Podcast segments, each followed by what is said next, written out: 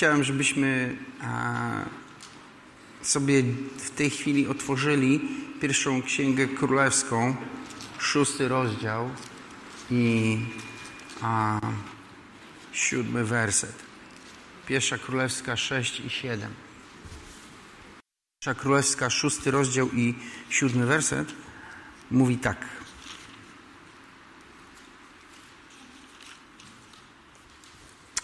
A musicie się przyzwyczaić, że ja jestem zwykle nietypowym człowiekiem, głoszę kazanie z jakichś wersetów, których nikt nie otwiera i tak dalej, ale jakoś tak mam i nie wiem, czy mi się to kiedyś zmieni. Szósty rozdział i siódmy werset mówi tak. Świątynię zaś budowano z kamieni gotowych, przyciosanych już w kamieniołomach, tak iż w czasie budowy w świątyni nie było słychać w niej młotów czy siekier i w ogóle żadnego narzędzia żelaznego. A mówimy o świątyni, którą Salomon budował, ale wiemy o tym, że kiedy mowa jest o świątyni, o budowaniu świątyni, to mowa jest też o kościele. Kościół jest świątynią Boga żywego. I myślę, że tutaj jest coś, co e, chciałbym, żebyśmy zrozumieli, wierzę, że Bóg chciałby, żebyśmy zrozumieli, że w kościele Bóg życzy sobie, żeby nie było słychać narzędzi. I w kościele nie może być odgłos, słychać odgłosów pracy i odgłosów wojny i żadnych innych odgłosów z tego świata. Bo w kościele przychodzimy po to, żeby słuchać tylko jednego głosu, Bożego głosu. E, I wiecie, oczywiście nie chcemy być oderwani od rzeczywistości. Nie chcemy a, udawać, że się nic nie dzieje wokół nas, ale chcemy też pamiętać, po co my się tu spotykamy. Wiecie, jest pewien powód, dla którego Bóg życzył sobie, żeby w Jego świątyni nie było tych, tej pracy i tak dalej. I, ten, I to jest bardzo istotny powód. Widzicie, jeżeli jesteś cały czas wewnątrz czegoś, to nie jesteś w stanie mieć odpowiedniej perspektywy tego, bo jesteś w środku. I tak długo, jak jesteś w środku jakiegoś konfliktu, jakiegoś problemu i tak dalej, nie jesteś w stanie zrozumieć, co się dzieje i nie jesteś w stanie zobaczyć, co ty możesz z tym zrobić. Jedyne, co jesteś w stanie, to zareagować. I myślę, że jeżeli Jezus mówi, Bóg mówił w Starym Testamencie, że Kościół ma być głową, a nie ogonem, to Kościół musi być w takim miejscu, który, w którym może na coś wpływać, a nie tylko na coś reagować. Dlatego jak jest wojna, to sztab nigdy nie jest na pierwszej linii frontu, tylko jest daleko, bo tam, gdzie się decyduje, musi być spokój do decydowania. Amen? I dlatego Bóg powiedział, że w Jego świątyni nie będzie tych rzeczy, bo On chce, żeby w Jego świątyni było co innego. I dlatego myślę, że my powinniśmy pamiętać, że z jednej strony jesteśmy ludźmi, jesteśmy tu, a nie tam, dzieją się z nami te rzeczy, trudno uciekać od tych i udawać, że tego nie ma, ale z drugiej strony musimy pamiętać, z kim my rozmawiamy i z kim, do kogo my przychodzimy i po co. I to jest jedna z takich rzeczy, które mnie całe połowę mojego chrześcijańskiego życia, odkąd to zorientowałem się, nie obciąża, że to jest to, że chrześcijaństwo w Polsce jest ciągle reaktywne, my ciągle reagujemy. My jesteśmy świetni w tym, żeby zareagować na coś, ale my jesteśmy fatalni w tym, żeby czemuś zapobiec. Dobra, teraz będzie trudne. Czy można było zapobiec wojnie na Ukrainie? No, ale nie będzie Wam się podobało, jak Wam powiem jak. Wiecie, dlaczego wojna wybuchła? Dlatego, że ktoś uznał, że to jest jedyny sposób na rozwiązanie konfliktu. Dobrze myślę? Dlaczego ktoś uznał, że to jest jedyny sposób na rozwiązanie konfliktu? Bo nie było wokół niego nikogo, kto by mu powiedział, że są inne.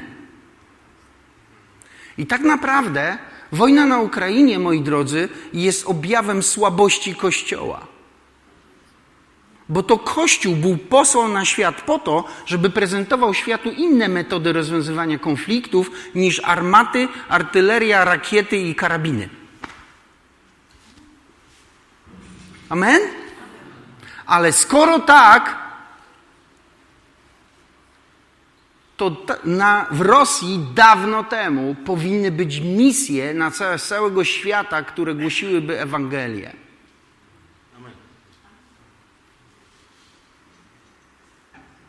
Bo Kościół jest, czy się to komuś podoba, czy nie, jedynym nadzieją na pokój na świecie. Jedyną.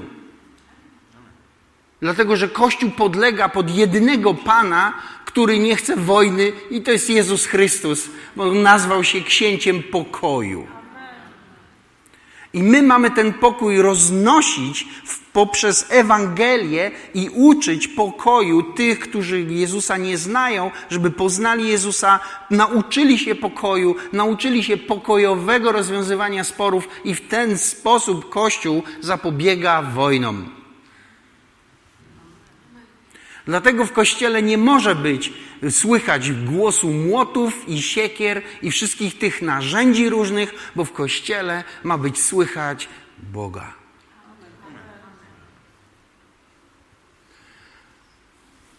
I dopiero wtedy my słyszymy, wiecie, dlatego jestem rozczarowany.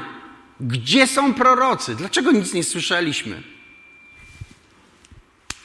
Bo w kościele było słychać, jak to mówi Słowo Boże, młoty i siekiery i narzędzia żelazne, a nie to, co trzeba byłoby usłyszeć. Tak? Bo w kościele zajmowaliśmy się nie tym, czym powinniśmy się zajmować, i ponieważ to robiliśmy, hałas młotów, siekier i narzędzi żelaznych zagłuszył Boży głos. Tak, że go nie słyszeliśmy. I nie, nie słyszeliśmy go tydzień przed wojną. To jest za późno. My go nie słyszeliśmy 10 lat temu. 15 lat temu go nie słyszeliśmy.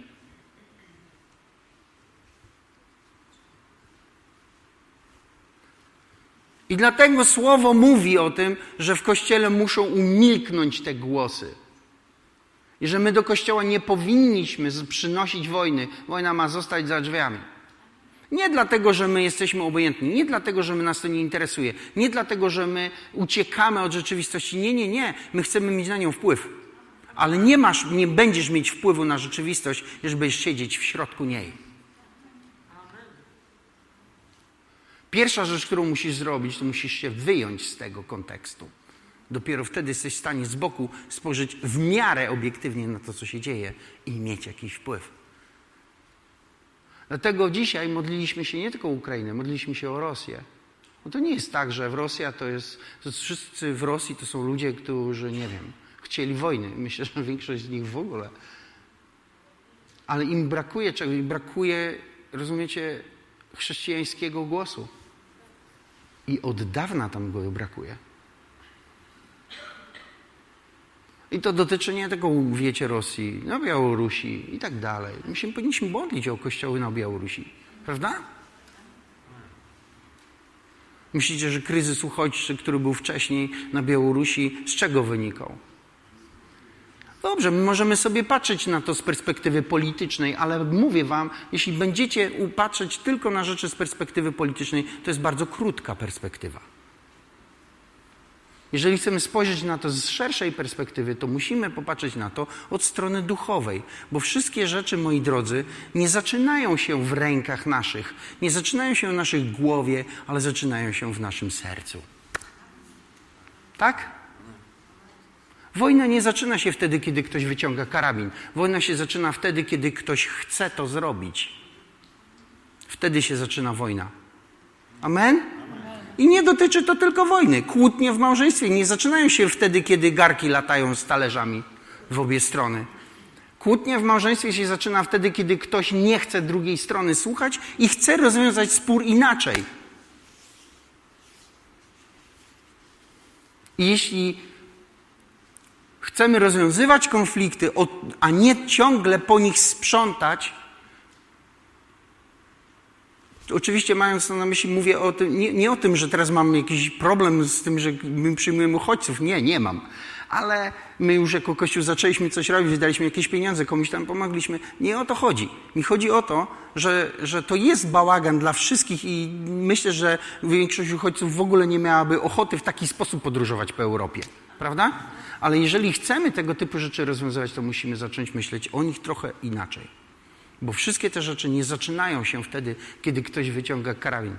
To się zaczyna wtedy, kiedy ktoś chce to zrobić. A skoro tak, to wszystkie konflikty zaczynają się w duchu.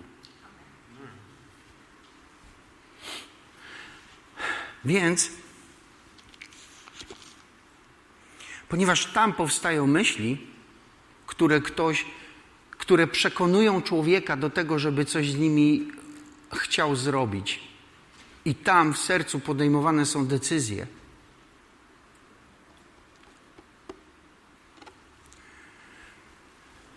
Wojna dla mnie zawsze jest symbolem słabości.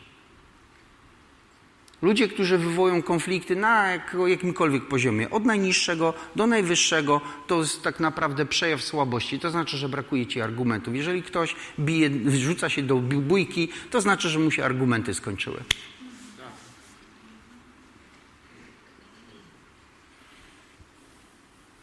I myślę, że e, kiedy, kiedy wiecie, Kościół jest słaby, to państwa są słabe i wybierają słabe rozwiązania.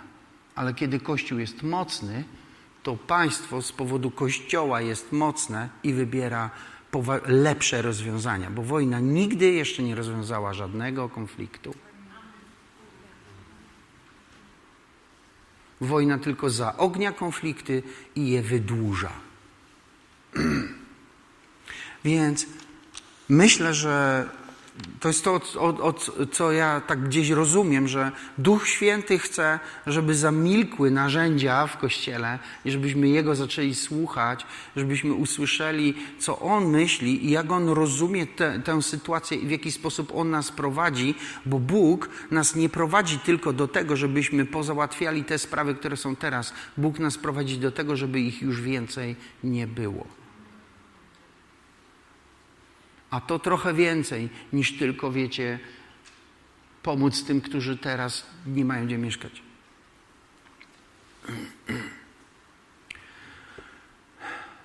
I jest jeszcze jedna rzecz. We wszystkich różnego rodzaju konfliktach, o małych do dużych, tak naprawdę to e, zawsze jest zaangażowany element duchowy. Zawsze. I jeżeli myślimy o jakimś zwycięstwie i myśląc o zwycięstwie mam na myśli koniec wojny i jakiś Boży sposób na to, żeby obie strony nie chciały już następnej. I myśląc o tym, myślę, że w, e, jest tylko jeden e, na to sposób. Jeden. Jest taki, żeby doprowadzić do tego, żeby Jezus wygrał. Tak? Wiecie, to w małżeństwie tak dobrze działa. Jeżeli mąż kłóci się z żoną, to jeżeli żona postawi na swoim, to mąż będzie niezadowolony, nie? Ale jak żona postawi na swoim, no to mąż będzie niezadowolony. To takie proste. Więc co? Kompromis, to wtedy oboje są niezadowoleni. Nie? Co? No to jak, jak, jak, co z tym zrobić? Wiecie, my chrześcijanie mamy jeszcze jedno rozwiązanie. My szukamy Bożego, Bożego głosu. I wtedy nie stawiamy, mąż nie stawia na swoim, żona nie stawia na swoim, my stawiamy na Bożym. A Boże to czasami jest to, co żona mówi, czasami to, co mąż mówi, a czasami ani to, ani to. Ale jeżeli szukamy tego, co Boże, tak? to wtedy te nasze partykularne interesy są gdzieś na boku i nie grają już, wiecie, w tych, tych wszystkich napięciach, i to powoduje, że to rozwiązanie, które przychodzi, jest właściwym rozwiązaniem i trwałym rozwiązaniem. I myślę, że to, czego my potrzebujemy teraz, to potrzebujemy duchowego zwycięstwa. I duchowe zwycięstwo nie osiąga się za pomocą armat i karabinów. Duchowe zwycięstwo osiąga się za pomocą wiary. Amen? A Dobrze. Pozwólcie, że jeszcze taką małą dygresję, kompletnie nie na temat, albo trochę na temat, ale nie na ten, dobra? I mało. Słowo Boże mówi, i już wracamy. Słowo Boże mówi, bo tak mam takie poczucie, że mam to powiedzieć. Słowo Boże mówi o, e, o największych przykazaniach. Nie będę tego otwierał. Ewangelii Mateusza, 22 rozdział. Największe przykazanie brzmi, będziesz miłował Pana Boga swego ze całego serca, duszy, siły i myśli, tak? I drugie jest pyta- przykazanie, a bliźniego swego jak siebie samego. I moja mała dygresja jest taka, że Słowo Boże naucza nas, że my mamy miłować bliźniego swojego jak siebie samego, a nie bardziej niż siebie samego. Amen? Jeżeli myślę o pomocy, wiecie, latam czasem samolotem. Wiecie, jaki jest komunikat, jak tam te wszystkie pokazują te bez, protokoły bezpieczeństwa? Komunikat jest taki, że jak maski wypadną, to najpierw masz założyć sobie, a potem twojemu dziecku. Wiecie dlaczego? Bo jeżeli by nie daj Boże wyleciały maski i będziesz z dobroci serca zakładać maskę twojemu dziecku, a ono się nie daj Boże zbuntuje, bo się będzie bało tej maski, to za chwilę nie będziesz oddychać ty i twoje dziecko. Tak? I z pomaganiem jest tak samo. My powinniśmy pomagać, ale mamy pomagać e, jak siebie samego. Nie możemy pomagać ponad nasze możliwości, bo jeżeli będziecie pomagać ponad wasze możliwości, to za chwilę wy przestaniecie pomagać i będziecie kolejnymi ludźmi, którym trzeba będzie pomagać. Amen? Amen. I mam nadzieję, że to wybrzmiało, że ja nie mam nic przeciwko, jestem za tym, żebyśmy pomagali. Ale są granice wszystkiego w naszej pomocy też. I wszyscy muszą to zrozumieć. Bo jeżeli wy przekroczycie tą granicę, to wy, za, e, wiecie, zdewastujecie swoje życie pomagając komuś. A za to nie ma nagrody, bo Pan Jezus powiedział, że e, e, miłować bliźniego swego jak siebie samego. A oczywiście wtedy się rodzi takie pytanie, no dobrze, ale jest więcej potrzeb, a my nie pomagamy, no to kto pomoże, jak nie ja? Ale nie wiem, czy już wiecie, do czego próbuję się odwołać. To, to Eliasz miał taki problem. To kto pomoże, jak nie ja? A wiecie, co mu Pan Bóg powiedział? A, siedem tysięcy innych ludzi.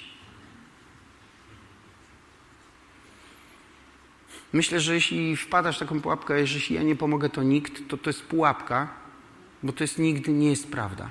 Nigdy to nie jest prawda. Zawsze jest jeszcze ktoś. Pan Bóg zadba, żeby był ktoś jeszcze. My jest, mamy granice, tak? Jesteśmy ograniczeni. Wiecie, to jest taka taka pokusa, żeby być Panem Bogiem dla kogoś. Zrobię dla ciebie wszystko. Nie zrobisz nigdy wszystkiego dla nikogo. Każdy jest ograniczony w jakiś sposób. Możemy pomóc trochę, to co, to, co możemy pomóc i, to, i pomagamy, i będziemy pomagali. Ale musi to mieć granicę i, i tą granicą jest to jak siebie samego, żebyśmy pomagając innym nie zdewastowali swojego życia. Myślę, że Ukraina dzisiaj potrzebuje silnej Polski, a nie Polski, która się wystrzela i za chwilę będzie taka słaba jak oni. Nie? Czy źle myślę? I to jest moja dygresja bo to zawsze, zawsze przychodzi coś takiego i nie chciałbym, żebyśmy, wiecie, byli ludźmi, którzy przechodzą z jednej skrajności w drugą skrajność, czyli jedna skrajność, rzucimy wszystko, teraz będziemy po prostu pomagać, a potem będzie druga skrajność, zapomnimy, wiecie, wystarczy, teraz sobie radźcie. To też jest skrajność, tak? Ja myślę, że mądrość polega na tym, że my pomagamy właśnie w taki sposób, że może nie robimy wszystkiego, ale to, co robimy, jesteśmy w stanie robić długo tak? i konsekwentnie, dlatego że to nie dewastuje naszego życia. Ok? Taka dygresja. I, i a, wracam. Myślę, że my potrzebujemy, moi drodzy, e, potrzebujemy zwycięstwa i potrzebujemy zwycięstwa, które jest w Jezusie Chrystusie. I jedna rzecz, która tego dotyczy, jest Dziejach Apostolskich 14 rozdział 22 werset. I ona mówi tak, że 14:22. Zobaczmy sobie to. Dzieje Apostolskie 14:22.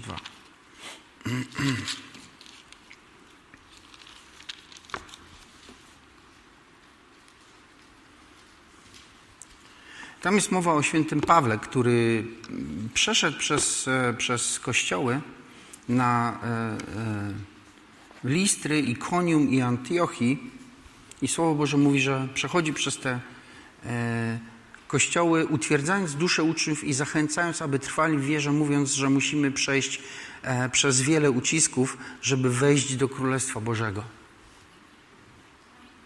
I wiecie, chciałem wam dzisiaj to przytoczyć, co święty Paweł mówi do kościołów, że drogą do Królestwa Bożego jest przechodzenie przez wiele ucisków.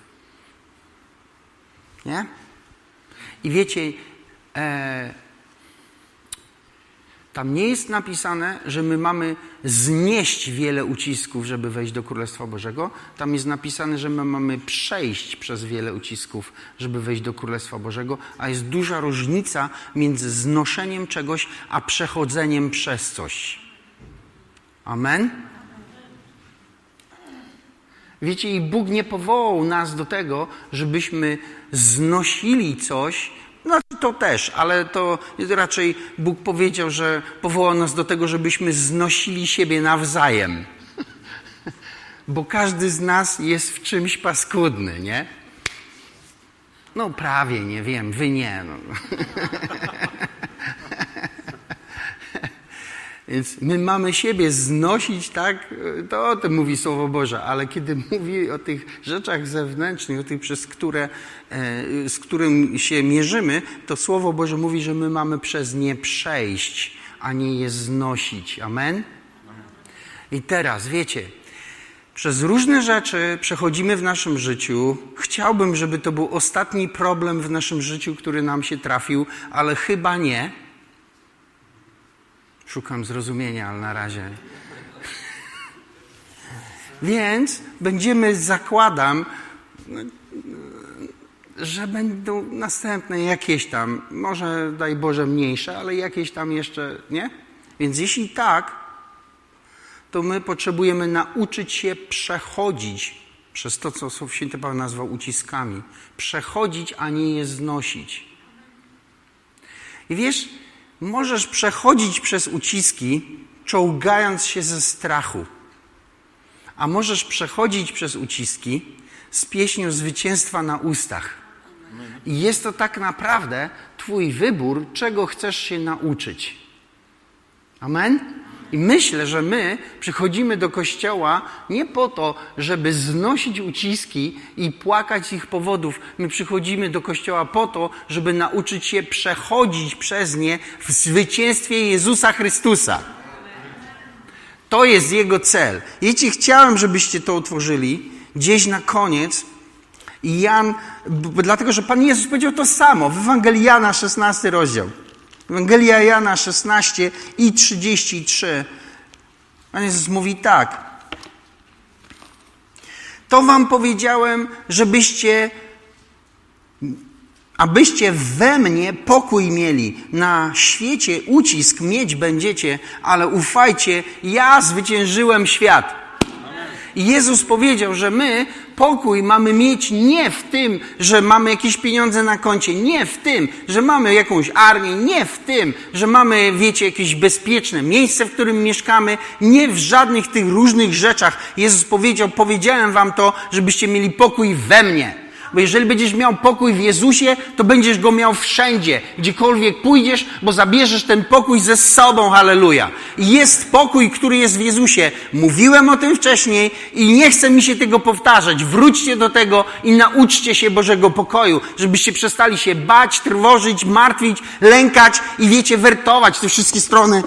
Napadają na nas czy nie napadają? Odpadnie, bomba atomowa nie odpadnie bo w ten sposób będziecie żyli strachem całe życie i będziecie karykaturą chrześcijaństwa. Ale o czym ty, pastorze, mówisz? Nie wiecie, o czym ja mówię? Jezus zbudował swoje królestwo podczas okupacji rzymskiej. I nie mówcie mi, że Rzymianie to byli mili ludzie. A jednak jemu nie przeszkodziło to zbudować, rozumiecie, Królestwa Bożego. Wyszkolić dwunastu apostołów, uzdrawiać tysiące ludzi, zmieniać świat. W ogóle mu system polityczny nie przeszkadzał. Amen? Wiecie dlaczego? Bo jego pokój nie był w nim, jego pokój nie był w ludziach, jego pokój nie był w okolicznościach. On miał pokój w swoim Ojcu, który jest w niebie. I ten pokój jest Tobie dostępny i możesz go mieć. Halleluja. I możesz w nim chodzić i powinieneś w nim chodzić. I wiecie, i pokój nie, nie polega na chodzeniu w nirwanie i w oderwaniu od rzeczywistości. Pokój to nie jest też stoicyzm, że wyrzekasz się wszelkich emocji. Pokój Boży to jest stan ducha, który kontroluje Twoje emocje i kontroluje Twoje myśli w taki sposób, że nie myślisz po ludzku, myślisz po Bożemu. A wtedy lepiej widać, klarowniej widać, jesteś skuteczniejszy i bardziej efektywny i przynosisz to, czego ludzie dzisiaj najbardziej potrzebują. Ludzie dzisiaj potrzebują, wiecie, wytchnienia i nadziei w Jezusie Chrystusie. I my jesteśmy, my to nosimy i mamy, my to powinniśmy zacząć rozdawać, moi drodzy. Powinniście wyjść stąd dzisiaj i znaleźć kogoś i powiedzieć, słuchaj, martwisz się? To ci coś dam. Dam ci Boży pokój. Jezus powiedział tak. To powiedziałem wam, żebyście we mnie pokój mieli.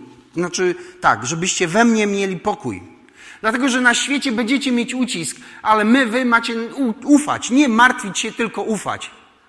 A wiecie dlaczego? Dlatego, że Jezus zwyciężył świat. I wiecie, tak naprawdę przechodzenie przez uciski jest szkołą.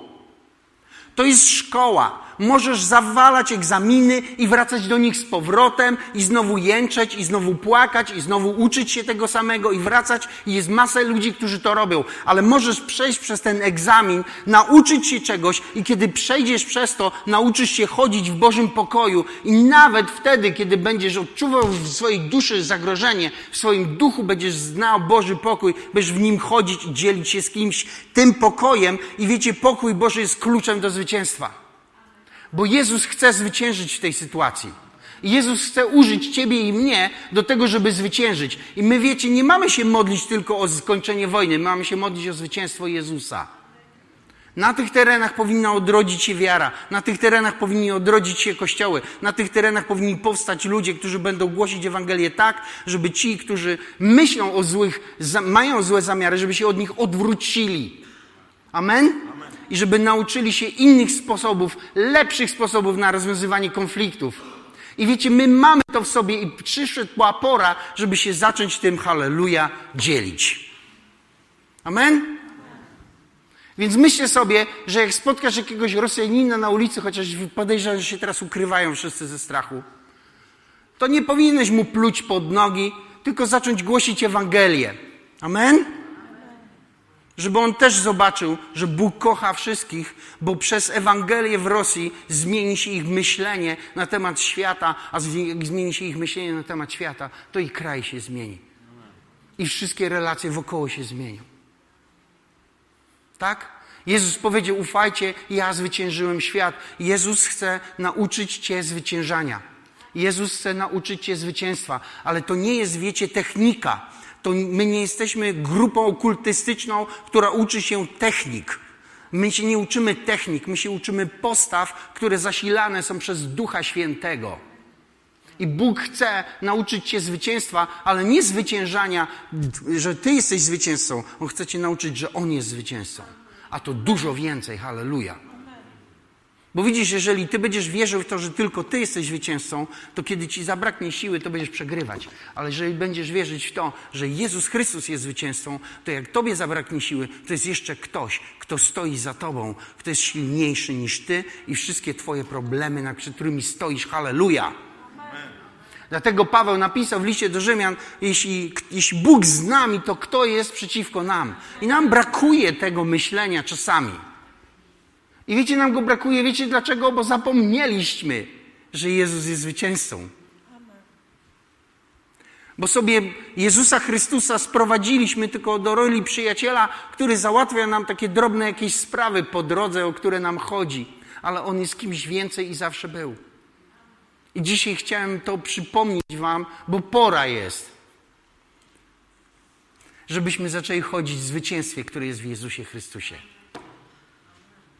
I Jezus zwyciężył, słuchajcie, najgorszego wroga. Jezus zwyciężył śmierć. Nie ma w Chrystusie śmierci. I tam nie ma. Im bliżej jesteśmy Jezusa, tym mniej jest, wiecie, e, dominacji tego, co jest tutaj na tej ziemi, ponieważ On jest silniejszy. I myślę, że to jest pora, żeby w kościele zamilkły te wszystkie młoty, siekiery i narzędzia, żeby, się, żeby Kościół skupił się na Chrystusie i zaczął Chrystusa odkrywać jako tego, którego jeszcze nie poznał, jako Pana i Księcia pokoju, tego, który y, czyni pokój na ziemi, nie dlatego, że się z wszystkimi dogada, ale dlatego, że nad wszystkimi zwycięża. I zwycięstwo Chrystusa to jest Ewangelia, która dociera do ludzkich serc i je zmienia. I my jesteśmy narzędziami zwycięstwa Jezusa Chrystusa. I Jezus zwycięży. On powiedział: Ja zwyciężyłem świat, i to jest czas przeszły, więc on już tego dokonał na krzyżu, a teraz to się wypełni. Z nami albo bez nas, ale ja zamierzam się przyłączyć do tego. I chcę, żeby być w tym, kiedy Jezus będzie zwyciężać świat. I ten nasz świat jest do podbicia i Jezus go podbije. Przyjdzie i zmieni go i on teraz myślę, że szuka tych, którzy będą razem z nim współpracować w tym dziele. To jest coś, to jest miejsce, w którym my jesteśmy. My potrzebujemy wszyscy nauczyć się zwyciężać w Jezusie Chrystusie, zwyciężać konflikty od małych do dużych we właściwy sposób we właściwy sposób, bo właśnie teraz oglądamy, co się dzieje, kiedy ktoś ży, y, pomyślał sobie, że nie będzie po prostu rozmawiać, nie będzie rozwiązywać konfliktu, tylko chce uderzyć pięścią w stół.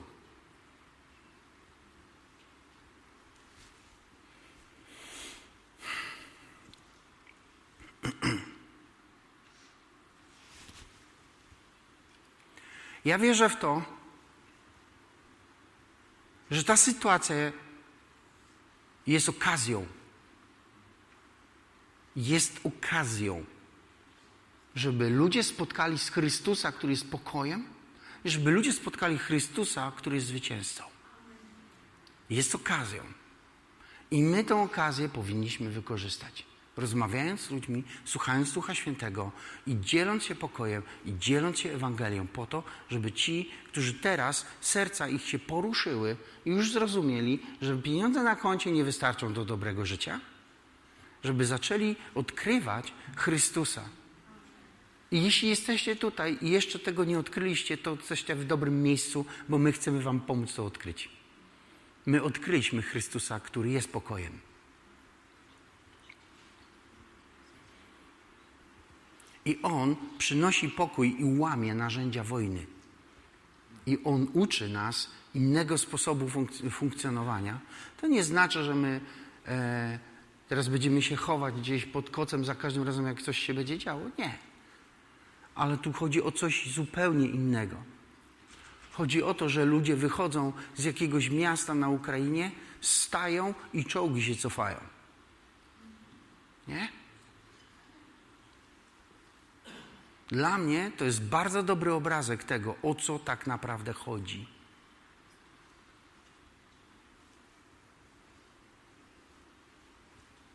I Bóg włożył w nas Jego pokój. Jak nie, to go wróci i odnaleźć, odnajdź z powrotem, bo jesteś Jego dzieckiem. A On chce, żebyśmy się dzielili Nim, bo to jest zwycięstwo.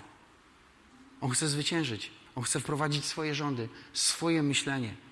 I wiecie, ja wiem, są różni ludzie, będziemy dyskutować tu z perspektywy polityczno-gospodarczej, jakieś są, wiecie, zamysły i tak dalej. Tak są. Pewnie zawsze będą. Ale wiecie, dlaczego my mamy się na to oglądać? My się mamy oglądać na Chrystusa. Bo Chrystus wszędzie tam, gdzie tylko są ludzie, którzy gotowi są usłyszeć Go i pójść za Nim, będzie działać i myślę, że jest pora, żeby działał przez Was tu. Tak? Powiem Wam tak: komentowanie wieści wojennych niczego nie zmieni, ale mówienie o Jezusie Chrystusie bardzo dużo, bardzo dużo zmieni. Strachy, obawy, lęki, kłótnie nic nie zmienią, ale zmieni to, kiedy my będziemy się dzielić zwycięstwem Chrystusa że Chrystus zwyciężył śmierć, zwyciężył grzech, zwyciężył najgorszych naszych wrogów. I to też zwycięży. A my powinniśmy Jego zwycięstwo rozpowszechniać po całej ziemi, tak, aby dotarło też i do tych zakątków, i do tych ludzi, których diabeł chciałby użyć do tego, żeby wywoływać kolejne wojny.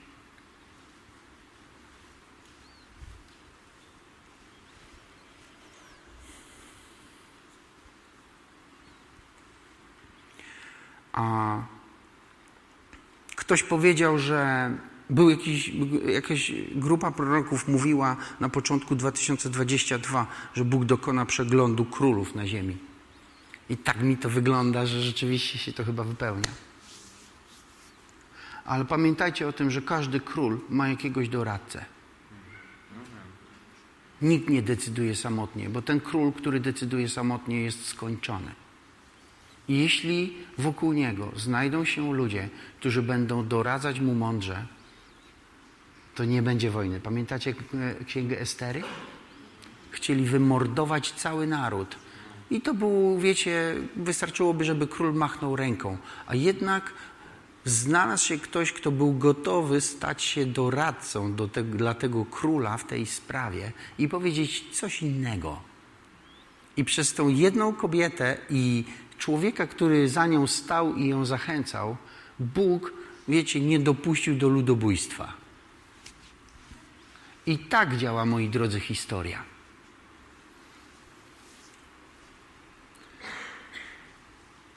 Wiecie, co mówi się dzisiaj? Że między Tobą i każdym człowiekiem na całej Ziemi są cztery relacje. Ty znasz kogoś, kto zna kogoś, kto zna prezydenta Stanów Zjednoczonych. I tak jest. Jeszcze internet to nie wiem, czy już trzy nie jest. No.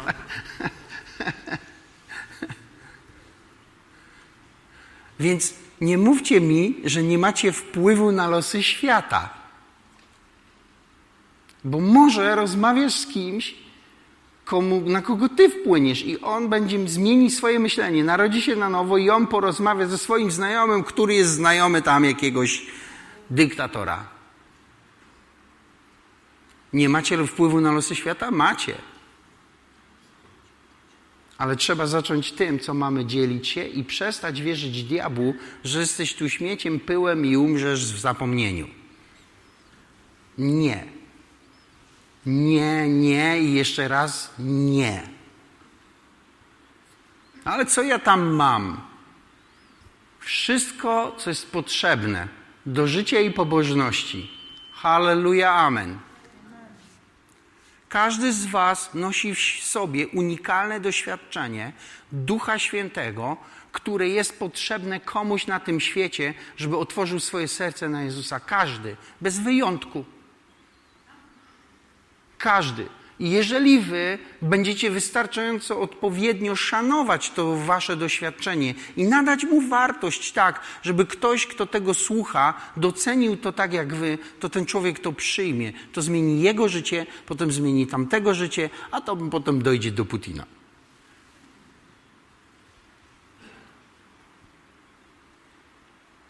I to jest pora, której Bóg chce użyć Twojego doświadczenia z nim. I wiecie, to nie będzie tak, że myślę, że to nie będzie tak, że Bóg nas wstaniesz rano i Bóg powie: kupuj bilet do Moskwy. Chyba nie.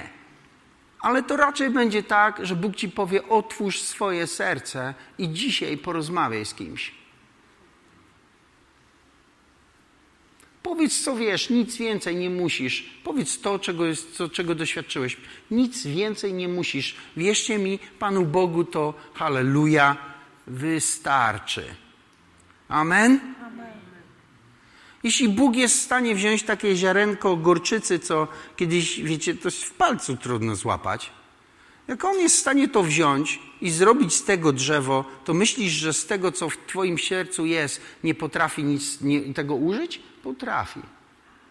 Potrafi. I użyje. Bo Jezus Chrystus jest zwycięzcą, wy jesteście Jego narzędziami, należycie do Niego i On chce użyć Ciebie tam, gdzie jesteś, zaczynając od tego tam, gdzie jesteś. Ty porozmawiasz z kimś, on z kimś tam i za chwilę się dowiesz, o wow, prezydent zmienił zdanie przeze mnie.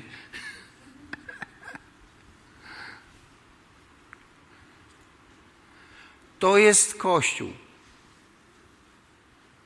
To jest Chrystus, do którego przychodzisz. On sobie, on naprawdę da sobie radę. I on chce Ciebie zaprosić dzisiaj do tego, żebyś zaczął kooperować z nim, a nie tylko stać z boku i przyglądać się, prowadząc wygodne życie. Bo chciałem Wam powiedzieć, że ta wojna mówi do nas wszystkich, że wygodne życie to mit.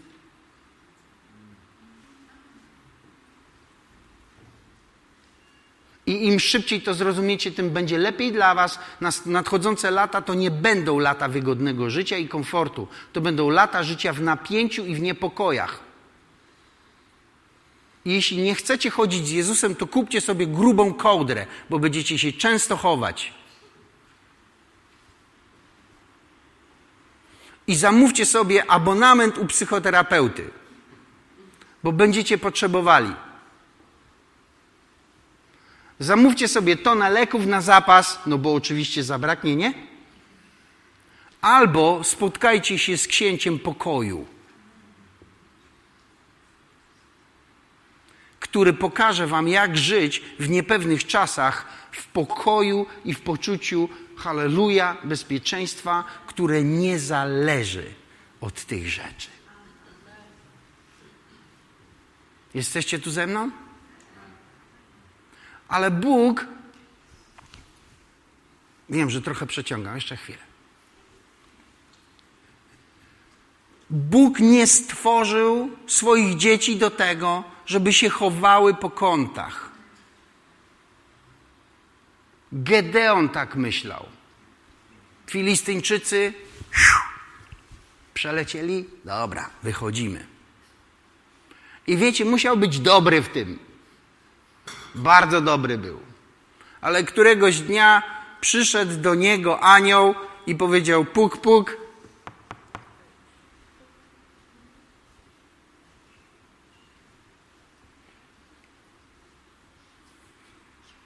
I powiedział mu tak: Mój plan wobec Twojego życia jest inny. Nie chcę, żebyś się chował. Chcę, żebyś powstał i zrobił coś z tym bałaganem. I on mówi: Ja?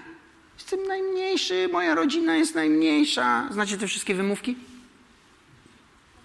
Ja, Boże, gdzie wybierz tych wielkich mężów Bożych tam? Tego wybierz, o, tego, wy... tego też wybierz, bo go nie lubię.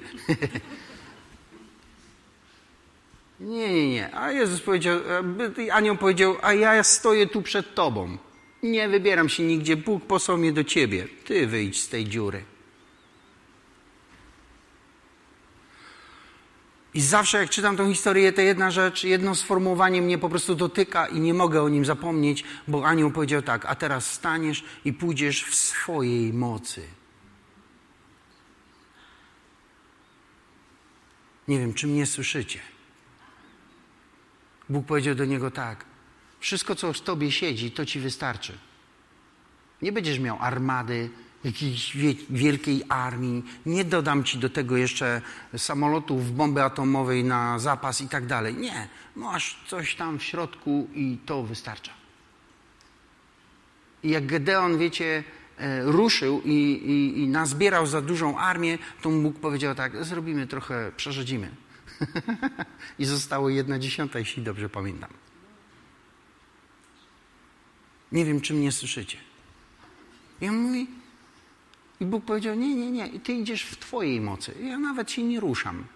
Ty pójdziesz w Twojej mocy i Ty będziesz działać, i to, co Ty będziesz robić, wystarczy mi do tego, żeby załatwić cały problem, o który Izrael do mnie woła.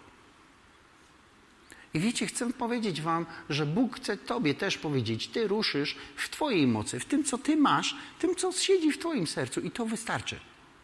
Bo wystarczy, powiem Wam, żeby dobrze ludzie się ruszyli, żeby zło rozpieszło się na wszystkie strony świata. idź w swojej tej mocy, idź, rusz się i zacznij to, co masz, dzielić się tym i zwycięstwo Jezusa Chrystusa rozejdzie się po tej ziemi. Rozejdzie się. Wiecie dlaczego? Bo On już zwyciężył. Bo uczestnictwo no nie będę tego za bardzo rozwijał, ale uczestniczenie w, dokona, w, dokonanych dziełach Bożych nie polega na, tych, na tym, że my je czynimy. Polega na tym, że my je ogłaszamy, a one się, że tak powiem, same czynią, bo one się już zrobiły. Tak to wygląda. Amen?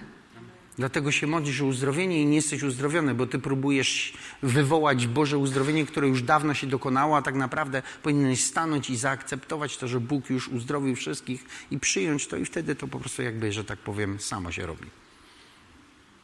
Bo Bóg już wszystko uczynił, nie? I wiecie, Bóg w tym sensie już załatwił całą tą sprawę.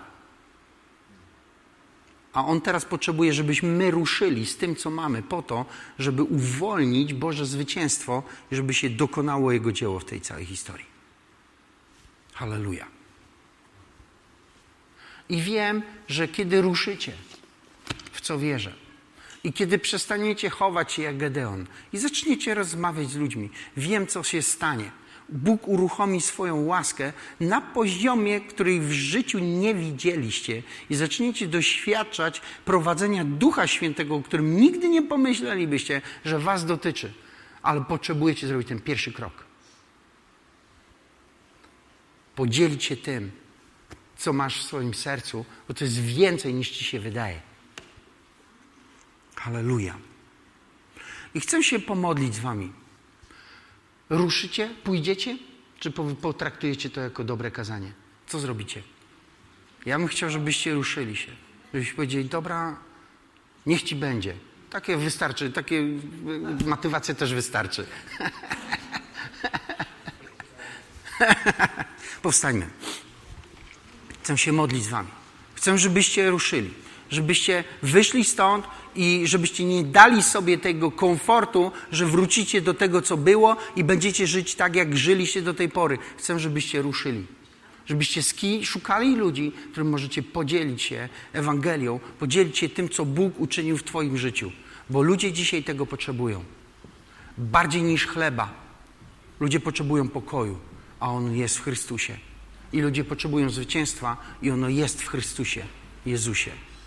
Panie, modlimy się i wierzę, że jesteś tu obecny, żeby nas poruszyć, żebyśmy mogli wyruszyć i żebyśmy mogli spotkać po naszej drodze tych, których Ty chcesz, żebyśmy spotkali i podzielili się z nimi Ewangelią, podzielili się z nimi tym, co my z Tobą przeżyliśmy, bo w Tobie jest nasz pokój i w Tobie jest nasze zwycięstwo. W Tobie, Panie, my doświadczyliśmy tego, że Ty pokonałeś najgorszych wrogów człowieka w naszym życiu.